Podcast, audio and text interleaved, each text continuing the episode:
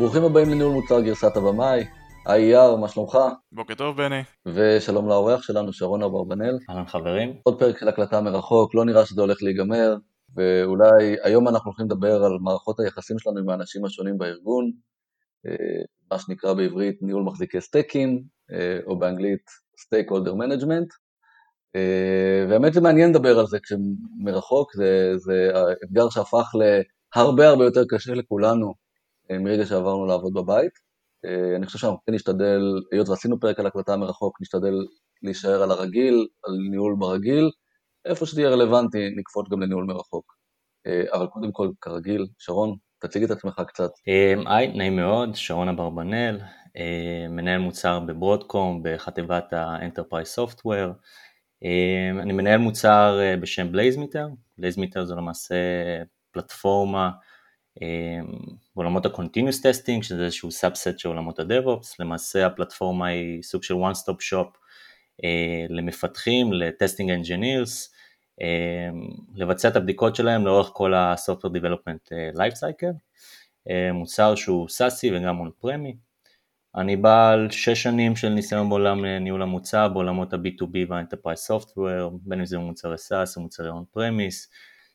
לאורך הקריירה חוויתי ניהול מוצר מנקודות מבט של סטארט-אפ וגם כחלק מקורפורייט, לאורך כל שלבי המוצר, בין אם זה מהולדה של מוצרים חדשים, לשלבי growth ועד לשלב של maturity של מוצרים ואני מקווה להביא קצת משני העולמות האלה לתוך הנושא שלנו היום. בוא נתחיל מלמה בחרת בכלל את הנושא הזה. מי שמכיר אותי יודע, אני אדם מאוד מאוד ורבלי, אז הנושא הזה של לדבר עם אנשים ואינטראקציות עם אנשים, זה נושא שמאוד מאוד מרתק אותי. אני מסתכל על בני אדם, הם כולנו מאוד מאוד דומים אבל גם מאוד מאוד שונים. ולכל אחד מאיתנו יש איזה שהם מניעים אחרים, מוטיבציות אחרות שמפעילות אותנו ביום יום. ואני חושב שכמנהלי מוצר אנחנו חייבים להיות מסוגלים לעבוד עם גורמים שונים, ישויות שונות בתוך הארגון, שיש להם אינטרסים שונים וגם כוח שונה שמשפיע על המוצר שלנו בסופו של יום. אז הכל מתחבר אל תוך העולם הזה של אנשים.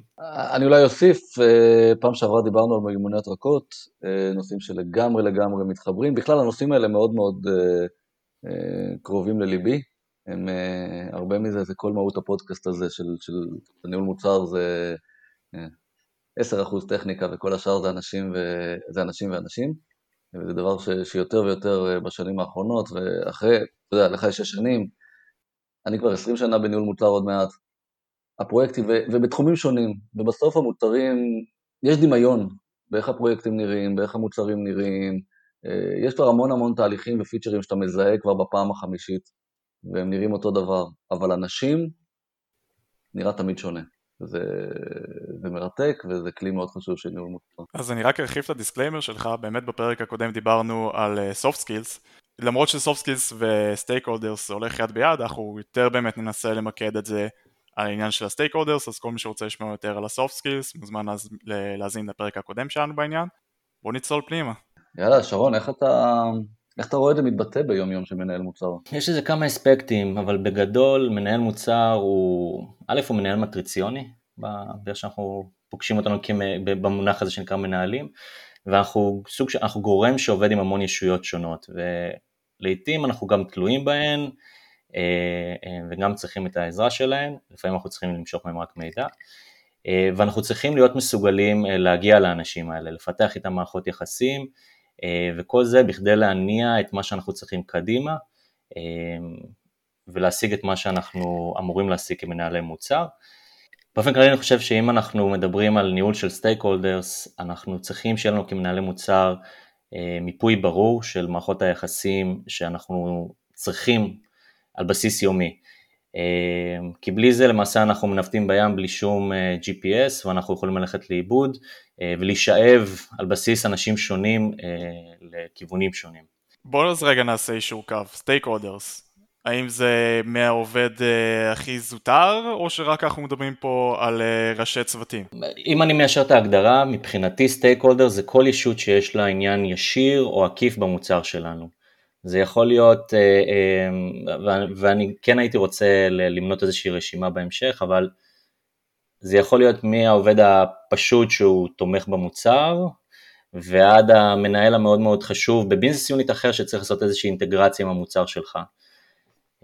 כל בעל עניין. כן, אני, אני חושב שיש באמת, אתה יודע, זה נכון שצריך למפות יותר את בעלי העניין הבכירים.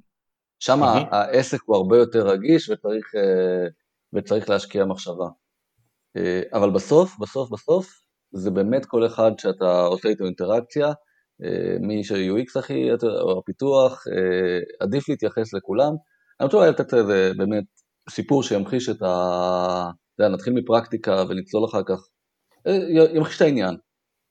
אז לי, הייתה לי מישהי שעשיתי לה מנטורינג, וכאשר היא דיברה עם מי שהייתה שם אחראית בשיווק, זה אפילו לא הייתה מישהי בכירה, זה לא משנה, מי שהייתה אמורה לעזור לה בפיצור של הלאנץ', אה, אז התברר לה שהיא תהיה חייבת לדחות את ההשקה. וכשניסינו לנתח את זה אחורה, אז אתה יודע, והיא לא הייתה בתוך, אז המסקנה הראשונית שלה הייתה שהיא לא דיברה מספיק מוקדם איתה. אבל זה מסקנה שטוחה. כלומר, ברגע שניסינו, אמר, ניתחנו את זה לעומק, אז בעצם הגענו למסקנה שהיא לא שאלה יותר מדי שאלות, כמו אה, מה חשוב לאנשי השיווק, איך אפשר לערב אותם קודם כדי לקבל את המשוב שלהם, ולא רק כדי שיעשו את העבודה שלהם, אה, איך אפשר לגרום להם למוטיבציה, למעורבות אישית, מה אנשי השיווק צריכים ממנה, כאילו היא הסתכלה על זה מאוד שטוח של אני יש לי פיצ'ר, מתישהו אני אה, אלך לשיווק כדי שהם לא יחסמו אותי, כן, ושהם יעשו את העבודה שלהם, אה, ואני חושב שזה מתמצת, זה, זה ממש נוגע בכל מה שזה ניהול סטייק הולדר. אה, אולי אפשר לצלול אה, לגבי, אתה יודע, אולי לנסות למפות את הסטייק הולדרס. לגמרי.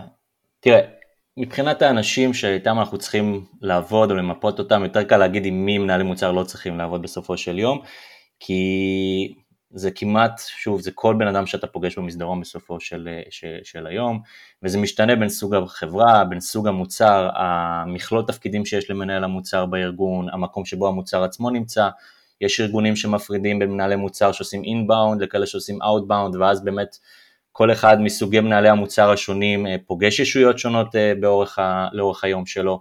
ולכן זה מאוד משתנה בין אה, ארגון, אבל אם אנחנו ככה פורטים בכללי את סוגי ה-stakeholders השונים שכמנהלי מוצר אנחנו פוגשים ביום יום שלנו, אז זה ה-product designers, אותם אנשי UX UI, מפתחים, אנשי QA, צוותי התמיכה של המוצר שלנו, אנשי ה-customer success, המכירות, אנשי ה-pre-sales, marketing, כפי שציינת אה, בני, מנהלי מוצר אחרים בארגון, אם אנחנו עובדים בארגון גדול שבו יש שכבה מאוד גדולה של אה, מוצרים, מנהלים כלליים כאלה ואחרים בארגון, ואפילו הלקוחות והמשתמשים של המוצר הם סוג של stakeholder, שצריך לדעת אה, לנהל את המערכה מולו בצורות כאלה ואחרות, ושוב הממשקים הם באמת משתנים בהתאם לארגון ולמוצר, זה יכול אפילו להיות, אה, אם אני סטארט-אפ, זה יכול להיות המשקיעים של החברה שלי, ה-board of directors, שותפים עסקיים, רגולטורים, ספקים, אה, כאלה שהם בעלי עניין ואפילו יש להם איזושהי השפעה או מושפעים מן המוצר שלי. אז באמת אפשר, אה, אפשר להתחיל, פרק כזה, אנחנו יכולים, היינו, יכולים להתחיל בלדבר יותר כללי ואז לצלול למקרים הפרטיים, כלומר לתת, אנחנו נעשה הפוך הפעם, אז בשביל המאזינים זה, זה יבוא הפוך, בואו נתחיל מלמפות כל סטייק הולדר ומה מיוחד, אה, ואז אחרי שנסיים את זה אפשר לנסות אה, להביא את זה לתמונה יותר אה, רחבה ופרטים כלליים. אני אגיד רק עוד דבר אחד לגבי זה, זה שאנחנו מתייחסים אליהם לפי תפקידים, זה לא אומר שעכשיו, אם ככה התנהלתי עם מנהל ה-QA בחברה אחת, שאני אלך לחברה שנייה, אני אוכל שוב פעם להתנהל עם מנהל, עם מנהל ה-QA וזה יעבוד לי בדיוק אותו דבר. כי זה בדיוק העניין, הסטייק הולדרס זה לא סביב התפקיד, זה סביב הבן אדם עצמו. אז נכון, יכול להיות שלאנשי QA בחברה א' יש אותם אה, יעדים עסקיים כמו אנשי QA בחברה ב', ובגלל זה העקרונות הם אותם עקרונות, אבל עדיין יש פה את המיומנות הרכה, למרות שהבטחנו שלא ניגע בזה, אז אני רק אציין את זה, שכל בן אדם הוא אינדיבידואל, עולם בפני עצמו, וכמו שבני אמר, זה הדבר שמרגש אותו ולקום בבוקר, כי זה מה שהכי מחדש לו. אז אני רק שם את הדגש הזה ככה לפני שאנחנו צוללים, ולכל תפקיד, לכל stakeholder לחוד. לגמרי. אני... אין דרך שלא להסכים עם זה. אמ, ובאמת, בסופו של היום כל stakeholder יש לו מנהלים שונים, יש לו מדדים שונים, הוא מביא איתו מטענים שונים, הוא קם בבוקר עם משהו שונה ממה שהוא היה אתמול למעשה, ואנחנו צריכים למעשה לפגוש בן אדם שהוא כנראה יהיה שונה מאיך שהוא היה אתמול, אמ, כי המנהל שלו לוחץ אותו, כי משהו לא הלך לו כמו שהוא רצה וכיוצא בזה. אמ, ולכן המיפוי הזה שגם ככה הזכרנו אותו בתחילת הפרק של, ה, של האנשים ושל המוטיבציות שלהם ושל הכוח שלהם, זה איזושהי פעולה מתמדת שאנחנו צריכים לעשות אפילו על בסיס אה, שעתי לפעמים, אה, כמה שזה ישמע קצת מוגזם, אבל אנשים הם אנשים והם משתנים. אה, אז אם ככה ניקח חמש דוגמאות, נפצח באיזשהו דוגמאות מהרשימה שמניתי מקודם, אז אם נתחיל במפתחים ואנשי QA לדוגמה, אני רואה אותם, הידיים והרגליים שלנו כמנהלי מוצר הם ה-execution וה-quality שלנו, וזה מחייב אותנו כמנהלי מוצר להיות מאוד צמודים אליהם אה, ולייצר מערכת יחסים שהיא מבוססת על אה, אה, אמון והדתיות, מה שמחייב אותנו לייצר איזושהי סוג של קרבה, ולא קרבה סינתטית, אלא קרבה אמיתית לאנשים שלמעשה הם ה... במרכאות כפולות ומכופלות המוציאים לפועל של, ה... של הדברים שאתה מביא לשולחן. אה, אז אני רואה במפתחים כ... כעוד איש משפחה שלהם, אני מתעניין בהם על בסיס יומי, אה, שואל לשלומם, מה קורה בבית, האם יש דברים שמפריעים להם, יש איזה challenges שהם אה, צריכים לעבור, יש איזה blockers שמונעים מהם להתקדם או להיות מרוצים ממה שהם עושים, ממש חובה אותם על בסיס מאוד מאוד קבוע, בכדי שמערכת היחסים בינינו תמשיך ותפרח. וזה לא רק זה, זה גם כל הזמן לפמפם להם את ה-product vision, בכדי שהם יהיו בעלי מוטיבציה ונלהבים מהדברים שהם עושים, ככה שהתוצרים שלהם והמקומות שבהם הם יתרמו אה, יהיו טובים אה, ויניבו פירות אה, מוצלחים במוצר. אני חושב שבעבודה עם סוג כזה של סטייק הולדר חשוב מאוד לנו כמנהלי מוצר להביא בעיקר את המה והלמה ולא את האיך, זה משהו שהרבה פעמים גם אני לפעמים חוטא בו ואני מכיר גם קולגות שלי שחוטאים בו. אה, המה והאיך מאוד חשובים להביא לשולחן את הבעיות האמיתיות מהשוק של הלקוח, להראות שאנחנו מבינים את הצורך ולתת להם אה, אה, לפתור את הבעיה בצורה של האיך. אז בהקשר הזה אני רק אציין שהלמה, להביא את הלמה ואת המה, אנחנו באמת, אנחנו מפמפמים את זה כל הזמן. כמובן שאנחנו מסכימים איתך לגמרי. אמרת עוד משהו שאני כן רוצה לשים עליו דגש, זה העניין של להבין מה הבלוקרים שלך ומה עוצר אותם מלהשיג את היעדים שלהם. כי זה ככה משהו שכן יכול אה, להיעלם ברקע, אז זה כן משהו שמאוד חשוב באמת לשים עליו דגש, הרי הוא בתור stakeholder יש לו את ה-roadmap, הוא צריך לדבר אותו בזמן, לפעמים יש לו כל מיני blocker-ים שבתור מנהל מוצר אפשר באמת להוריד או לעזור או להבין בגלל הראייה הרחבה בתוך הארגון. אז אני רוצה, אני רוצה לגעת באולי באמת אה, עוד שתי נקודות בהקשר הזה, וזה נכון שזה יכול להיות נכון לכל, לכל הצוות, אבל במפתחים זה, זה ממש אה, מודגש. אה, הצורך להבין מה מניע אותם, אה, לעשות להם empowerment, אנחנו נעשה עוד פרק על empowered product-ים, כן, זה, זה מאוד מאוד מאוד חשוב, אבל זה לא רק, יש, אני פוגש את זה הרבה עם אנשים שאני עושה להם mentoring, של, שמתוסכלים לפעמים מזה שהם, אה, יש להם את המוצר, יש להם את הפיצ'רים, יש להם את מה אה, שהם רוצים, ולפעמים זה לא מסתדר בדיוק עם המפתחים שיש, כלומר יש פה גם שיקולים של זה רוצה להתפתח עכשיו ב-front-end, זה רוצה להתפתח בכל מיני דברים, אי אפשר להתעלם מזה. כלומר צריך, אה, צריך להסתכל, וזה חלק ממערך השיקולים להבין, או ישירות, או דרך ראשי הצוותים, או דרך ה-VP Pro, Develop R&D, כל אחד, אתה יודע, בכל חברה והקונסטלציה שלה, אה, אבל זה מאוד מאוד חשוב להבין מה יש לכל אחד בראש, ומה אה, עושה לו טוב לקום בבוקר, ומה מכבה אותו, אה, וזה מגיע לפעמים, אתמול ישבתי עם מפתח על, אה, אתה יודע, ש, ש, שהיה קצת מצורח על הדייטים שלו, כאילו, כן, זה כאילו לשמוע, אתה יודע, לשמוע כאילו מה עובר לו בעולם, כי זה משפיע, כאילו, כי, כי אם היה דייט אה, מוצלח או לא מוצלח אתמול בערב, זה משפיע לו היום על העבודה. אז נכון. אתה לחלוטין פסיכולוג. לגמרי פסיכולוג, והקו פתוח עד השעות המאוחרות של הלילה, באהבה רבה.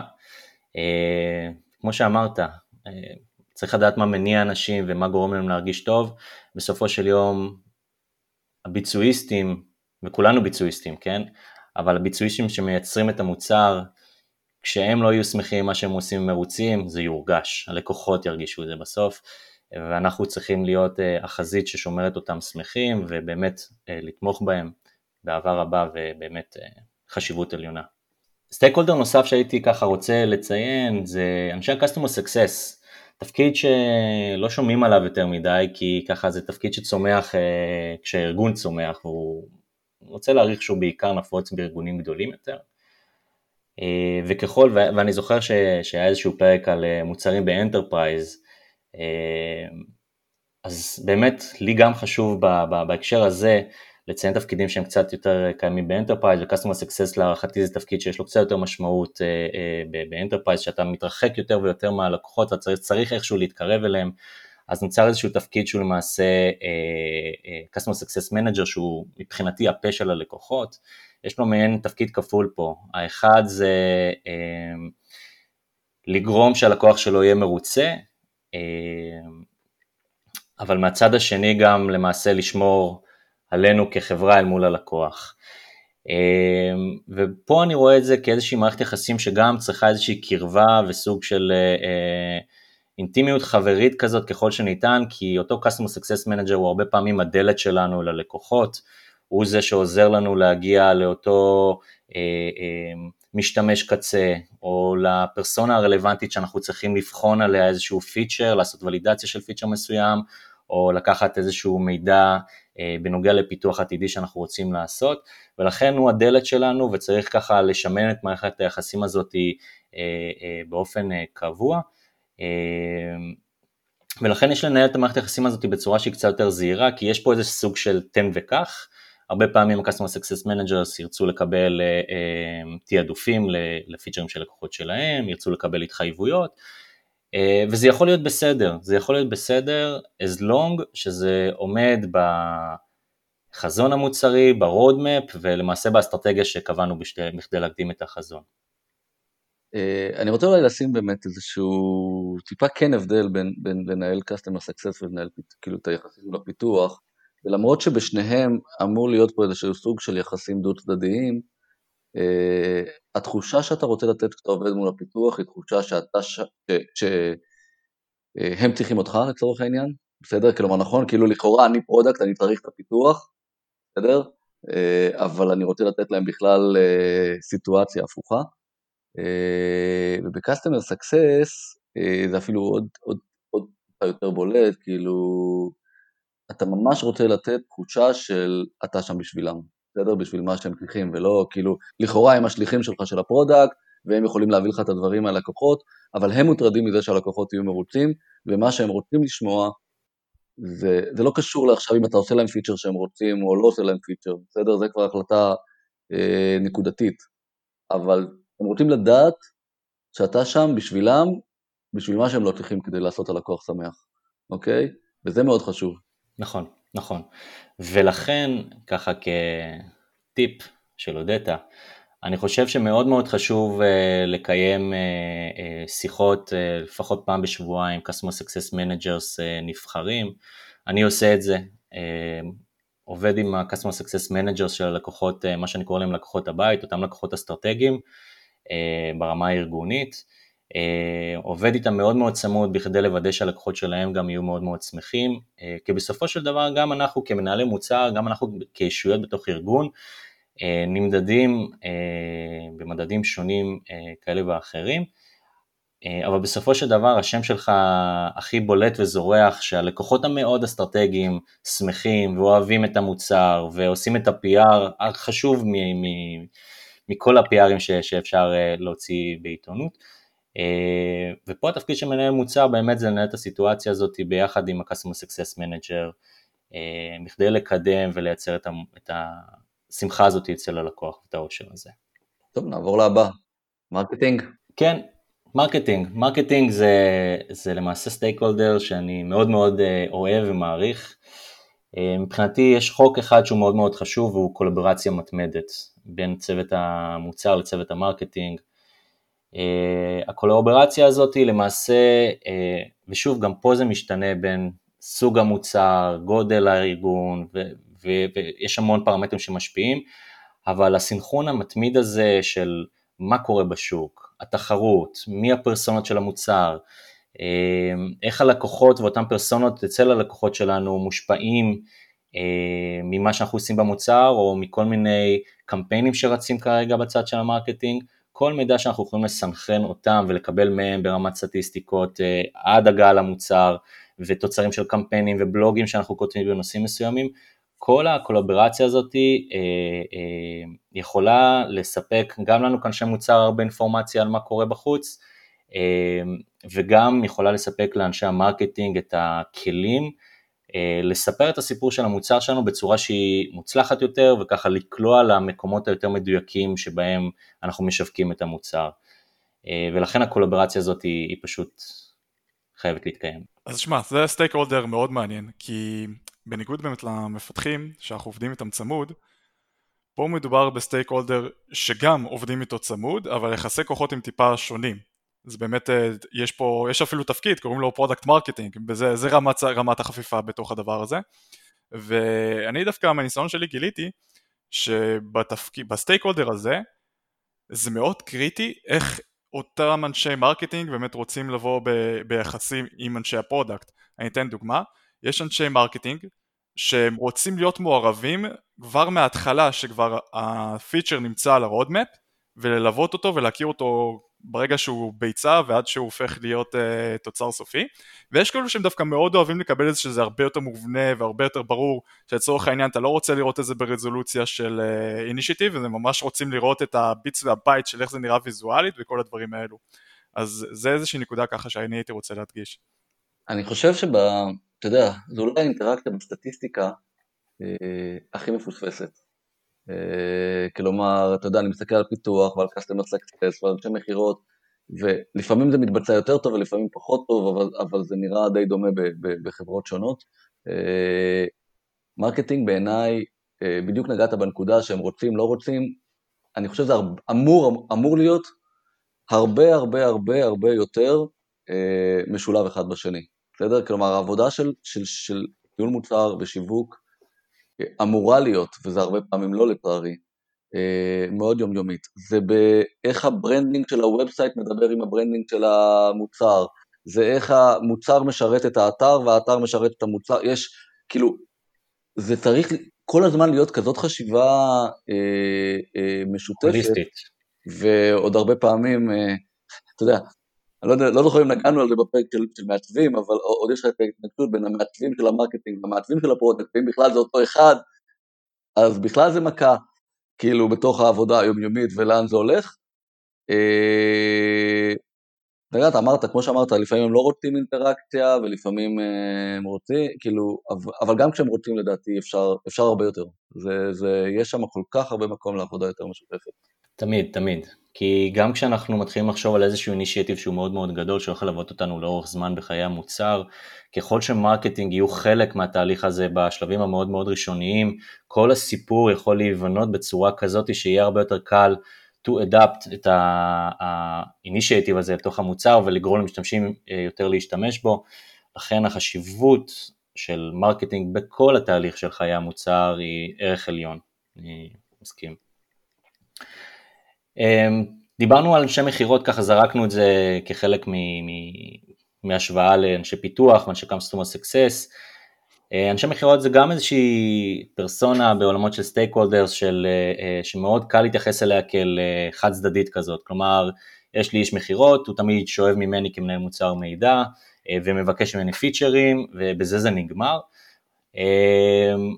אני דווקא חושב שמנהל מנהל המוצר בהיותו מקור ידע מאוד מאוד חשוב וכלי עזר לאנשי המכירות, אה, גם יכול לשאוב הרבה יותר, כלומר אם ביום יום אנחנו כמנהלי מוצר צריכים לצייד את אנשי המכירות שלנו באופן שוטף במידע נוכחי ועתידי לגבי המוצר, אה, בין אם זה התוכניות של הרון, כלים שייתנו להם אה, יכולת לסגור עסקאות אסטרטגיות, לתת להם יותר מידע על התחרות, ללעוס להם את כל הערכים התחרותיים של המוצר, אה, ובאמת לצייד אותם לקרב.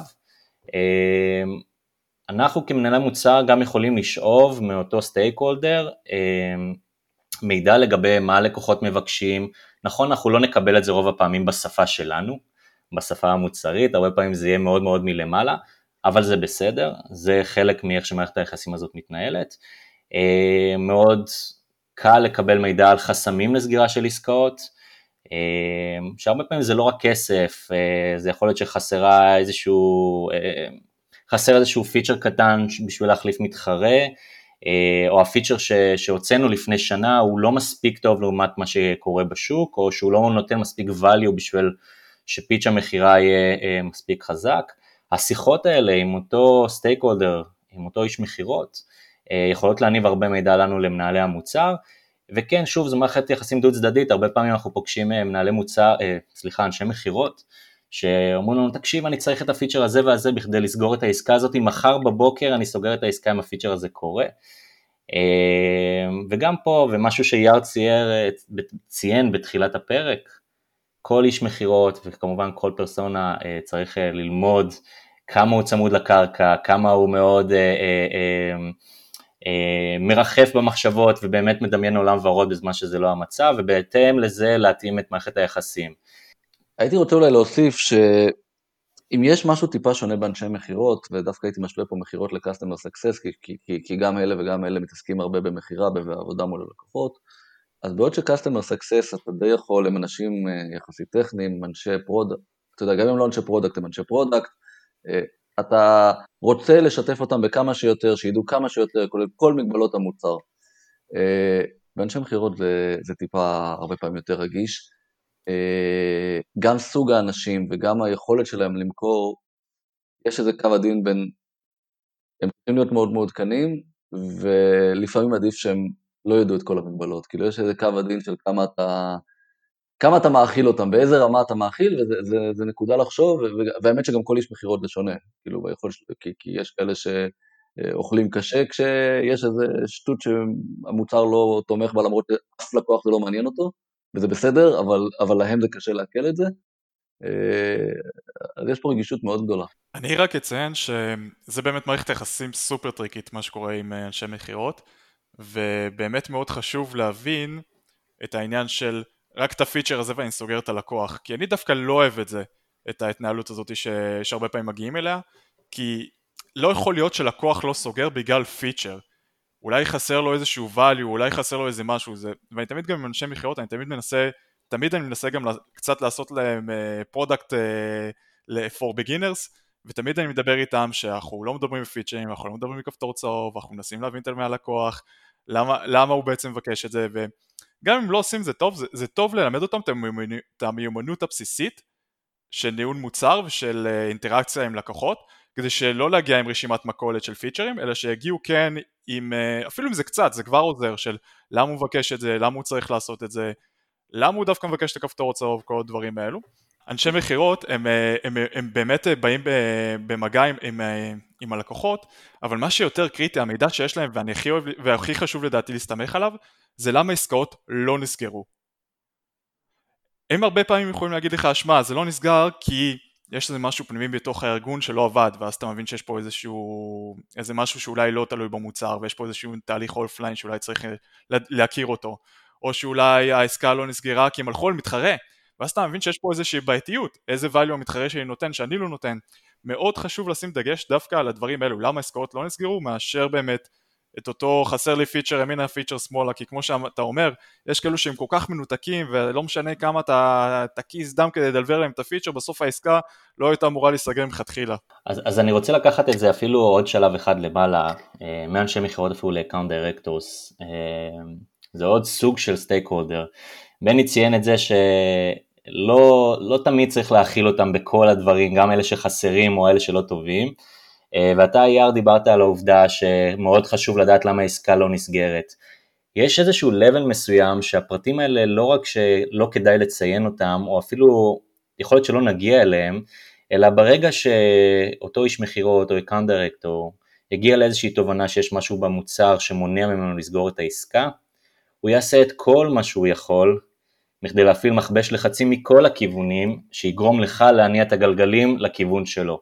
וכאן אתה כמנהל מוצר נמדד ביכולת שלך אה, או לעמוד על הרגליים האחוריות, אבל לעשות את זה בצורה שהיא מאוד אה, מבוקרת, בצורה שבה אתה מספק את כל המידע ואת כל הכלים שיש לך בכדי להגיד, אוקיי, אנחנו נוכל אולי לבצע את הדבר הזה בהנחה וייסגר חוזה שנה מרגע סגירת החוזה לצורך העניין, או אנחנו נעשה את זה בפייס 2 כאשר אנחנו נראה אימוץ של המוצר, או אנחנו לא נעשה את זה בכלל כי זה לא משתלם לנו מבחינת סופורט, זה לא משתלם לנו מבחינת המיינטננס שאנחנו הולכים להשקיע בדבר הזה, כלומר יש פה סט של פרמטרים שצריך לקחת בחשבון, וכן, הסיבות ללמה מכירה לא קורית או הסיבות ללמה קשה לי קצת יותר למכור את המוצר, הן סיבות שבקלות מאוד אה, רבה איש המכירות או ה-account director יכולים לסובב כנגדך, אה, בכדי לאפשר להם אה, לעשות enablement לאותו, לאותה עסקה שהם מנסים לסגור.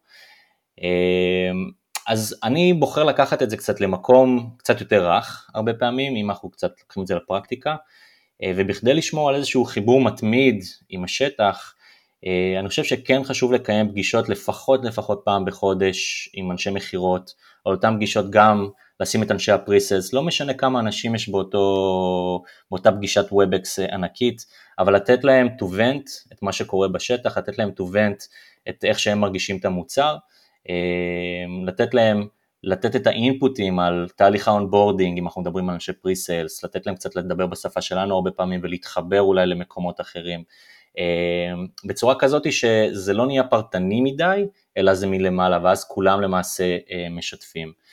אמ, אני רואה את זה אמ, ככלי שמאפשר לנו כמנהלי מוצר לשמוע את השטח מנקודת מבט אחרת, אולי אנחנו לפעמים מרגישים איזה סוג של בשר תותחים בפגישות כאלה גדולות, שכולם יורים עלינו כל מיני, לא הצלחתי לסגור את העסקה הזאת כי ההטמעה הייתה מאוד קשה וה, והפיצ'ר הזה הוא לא נוח, זה, זה סוג של אה, אה, מסע ציד כזה, אבל אה, יש לו ערך רב, ואתה לא לוקח את זה אישית שזה מגיע למצב שאתה בשיחה מרובת משתמשים. יאללה, בוא נדבר על ה... אנחנו נתחיל לסגור את הנושא, נדבר על ה stakeholder הכי חשוב אולי אה, מנהלים בארגון, אם אתה VP product אז זה המנכ"ל, אם אתה product manager אז זה ה-VP product שלך וה-VP sales וכולי וכולי וכולי, בוא נשים אותם ככה בצלחת אחת.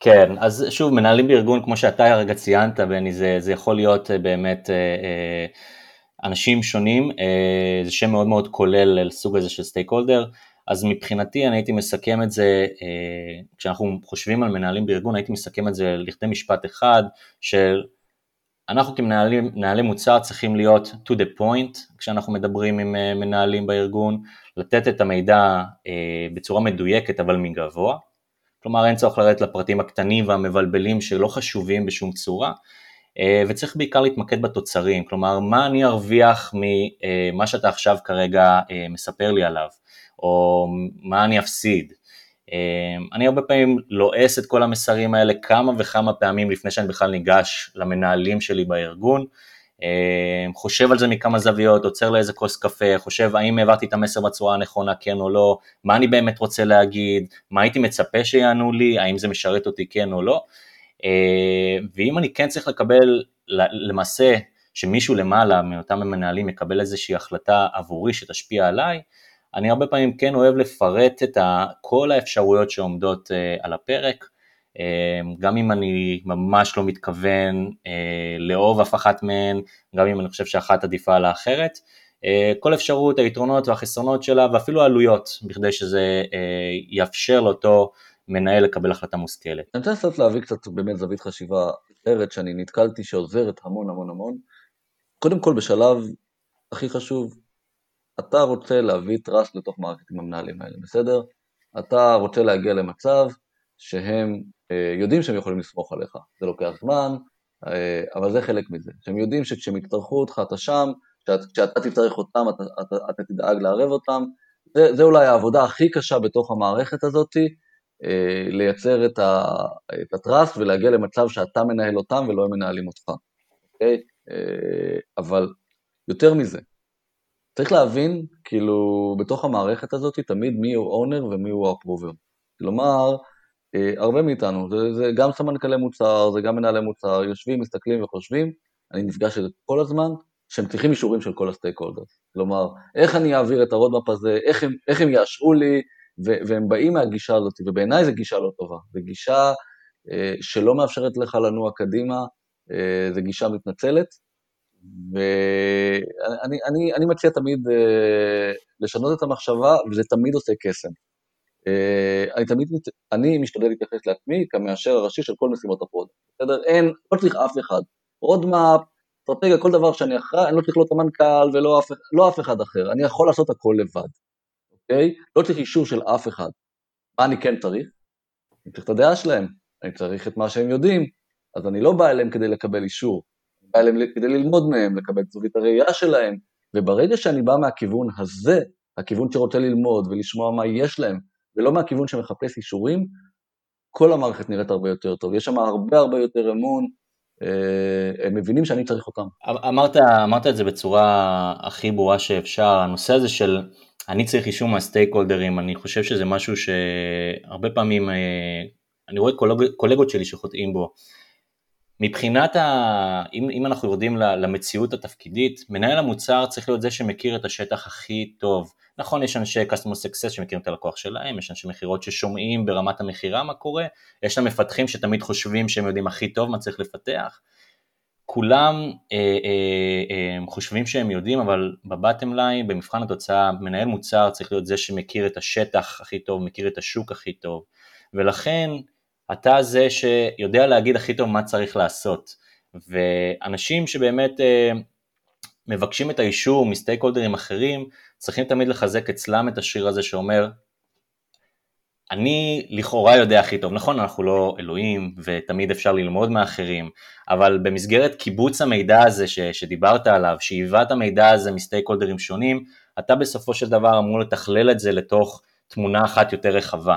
שמאפשרת לך אה, לדעת מה ה roadmap ש, שאתה רוצה לעשות ואיזה יעדים הוא ישיג ואיך הוא עונה על האסטרטגיה שאמורה להגשים את ה vision בסופו של יום. אז אותו Head of Business Unit שאמור לאשר לך אם ה roadmap שלך הוא בסדר או לא, הוא כנראה אפילו לא יודע מה קורה אצל הלקוח הכי חשוב שלך.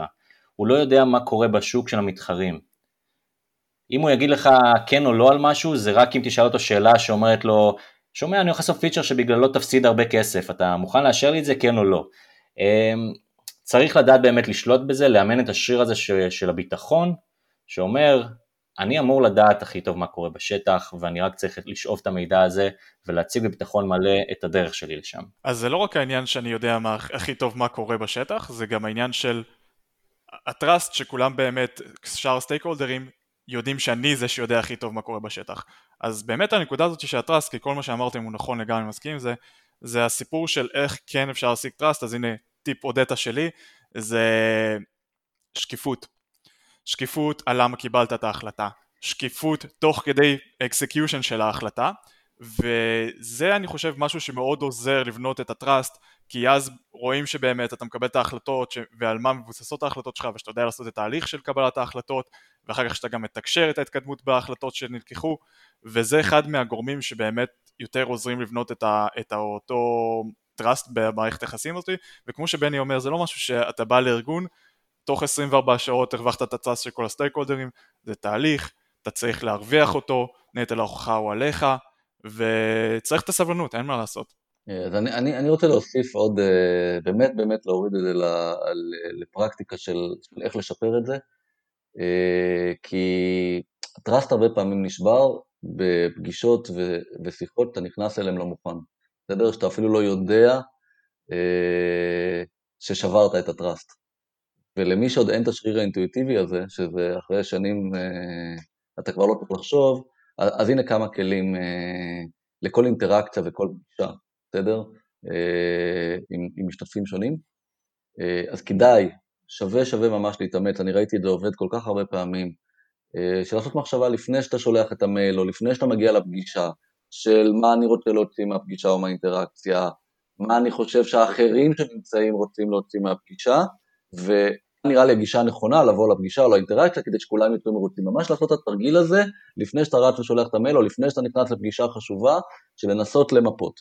ובהתחלה זה יצא פחות טוב, ויותר מאוחר זה יצא יותר טוב לאט לאט עם האימון, ואז באמת, אחרי הפגישה, לעשות לעצמך פוסט מורטם, כן? כאילו לשאול את אותן שאלות עוד פעם, האם השגתי מה שרציתי, כן, לא, למה, אה, האם הם השיגו את מה שהם רוצים, האם אני חושב שהם קיבלו מה שהם רוצים, כן, לא, למה, האם אני מרוצה מאיך שהגעתי לדיון, האם אני מרוצה מאיך שניהלתי אותו, אה, איך אני יכול לעשות יותר טוב מפעם הבאה, ממש ממש להתאמן, זה, זה פרקטיקה ממש טובה ולאט לאט להשתפר. כלומר, אני היום לא, לא עושה את זה, כן? אני, אני, זה מגיע די בצורה אינטואיטית, אבל זה לקח לי שנים.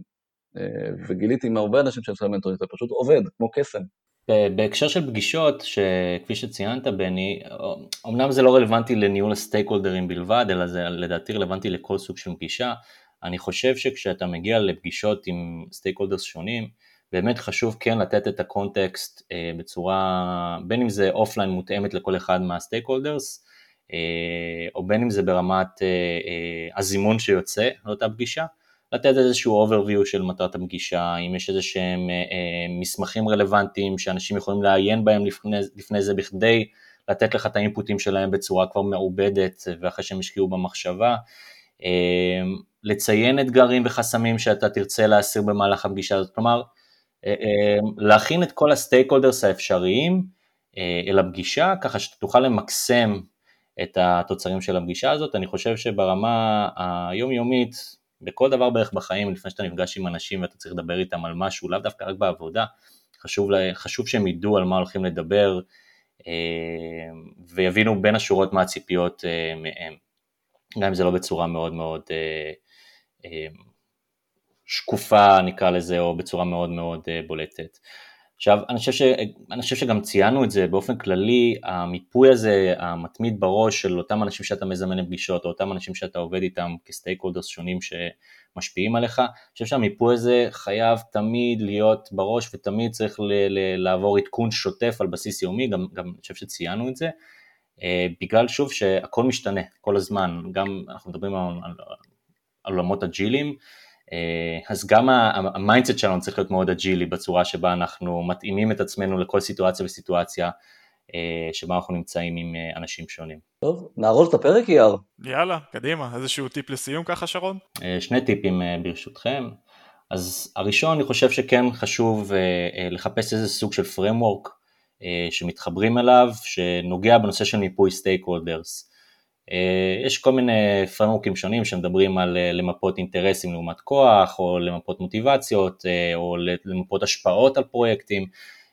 זה באמת תלוי ארגון ומוצר, אז כן לחפש איזשהו framework שמתחברים אליו, והוא מתאים באמת לחיי יומיום שלנו בתור מנהל מוצר בארגון, ובאמת להשתמש בו בכדי לקבל הבנה של עם מה אני מתמודד בכל שלב בחיי המוצר שלי.